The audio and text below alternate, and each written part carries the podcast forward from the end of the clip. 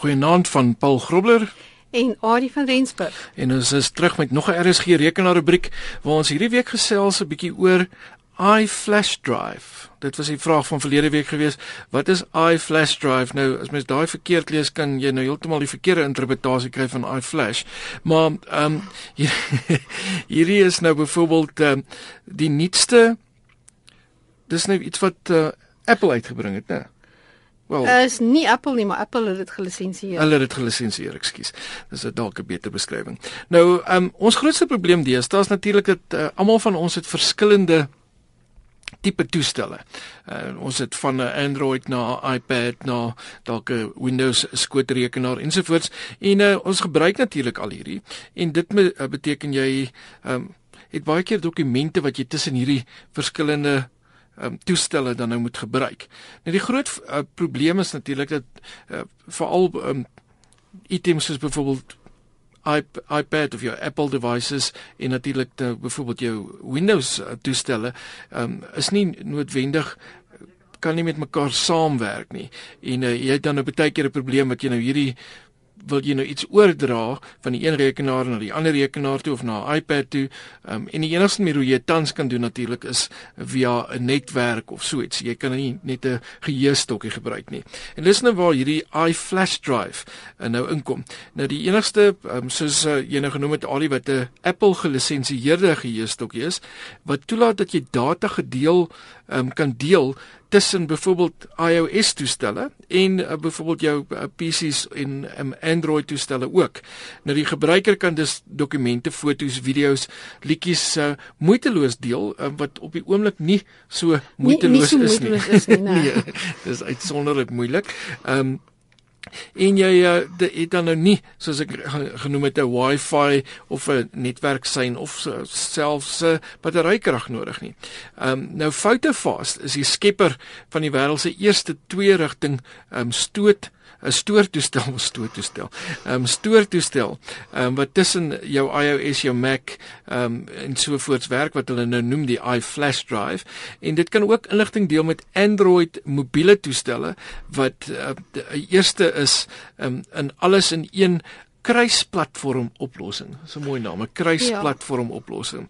En uh soos ons nou sê want almal het natuurlik uh, jou verskillende fone en so het verskillende uh, koppelings. Ek wil hulle mm. hulle lyk like nie hulle hoe hulle um, hoe jy koppel na jou rekenaar toe op almal van hulle is nie dieselfde ja, nie. Dit is eintlik maar 'n groot frustrasie, né? Ja, uit uh, dit kan wees uitsonderlik.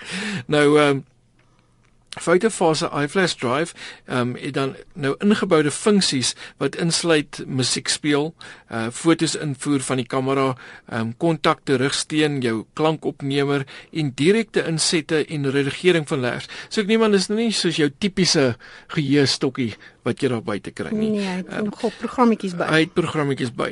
Die vereenvoudiging ehm um, dit vereenvoudig natuurlik jou persoonlike netwerk van data oor 'n menigte van toestelle uh, en dit laat jou na toe om die data te bestuur, uh, dit te wysig, te skep en te enkripteer uh, met behulp dan nou van hierdie iFlash drive. Dit klink soos iets wat ek moet kry vir my.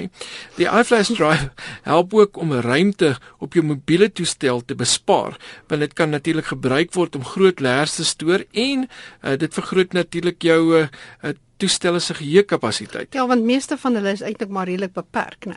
Ja, met in geheue. Ja, as jy behalwe as jy nou 'n SD-kaart kan insit, maar selfs dit, ek wil as jy 'n SD-kaart hmm. ingesit het, dis nie gou vir vinnig haal dit uit gebruik dit ergens anders uh, soos wat natuurlik 'n geheue stokkie is nie. Mens kan uh, natuurlik ook video's of musiek vanaf die eksterne geheue speel en dit het ook uh, en dit het nie geheue nodig op jou toestel daarvoor nie. So dit is 'n uh, nog 'n voordeel.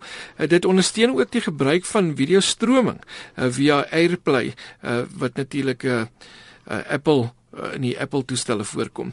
Die iFlash drive uh, is dan ook ten volle funksionele uh, wat aanbetref jou fotos en dokumente vertoner, so hy kan dit vertoon asook 'n video en klankspeler. En by die koppeling van iFlash drive aan enige Android toestel word die gebruiker gevra om gepaste toepassing via die Google Play af te ja, laai. Ja, natuurlik is daar 'n iFlash uh toepassing toepassing wat jy kan spesifiek ja, vir Android. As dan nie is nie sal dit 'n probleem wees.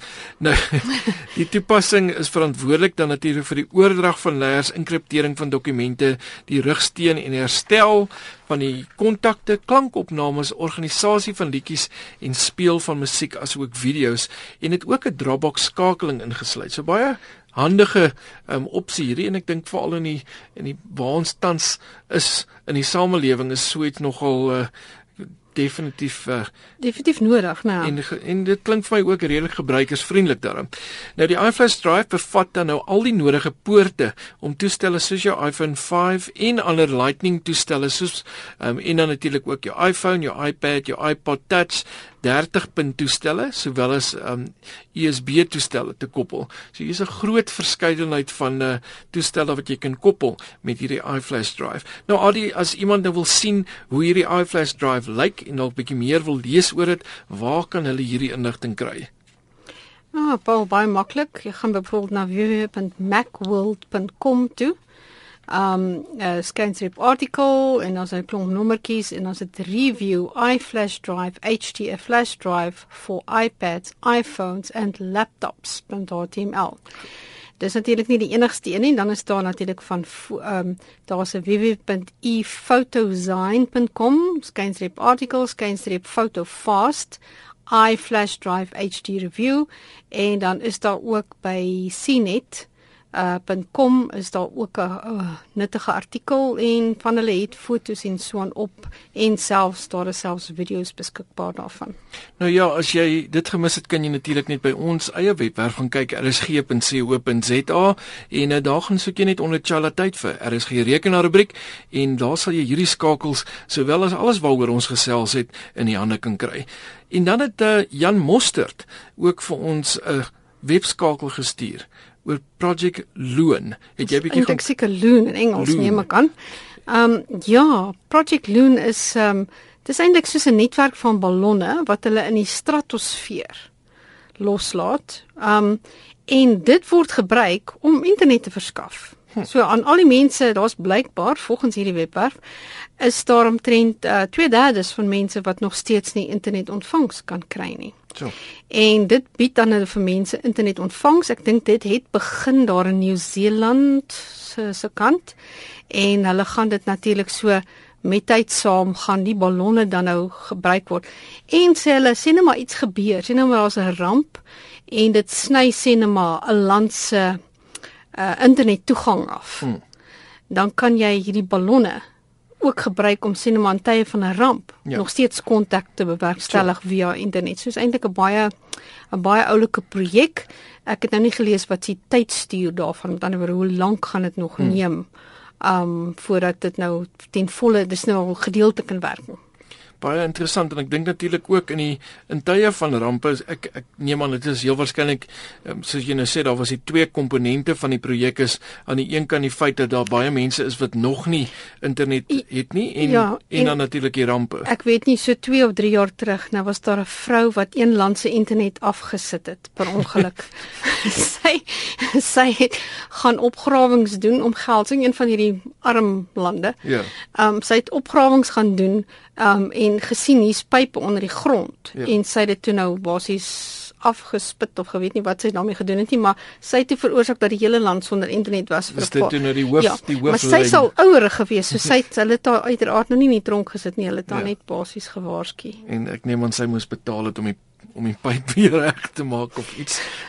ja, waarskynlik. Nou ja, ehm um, interessant en dit dit wys jy ook maar net hoe afhanklik is ons ehm um, natuurlik van tegnologie. Ehm um, gou vinnige wenk van die week, Adie.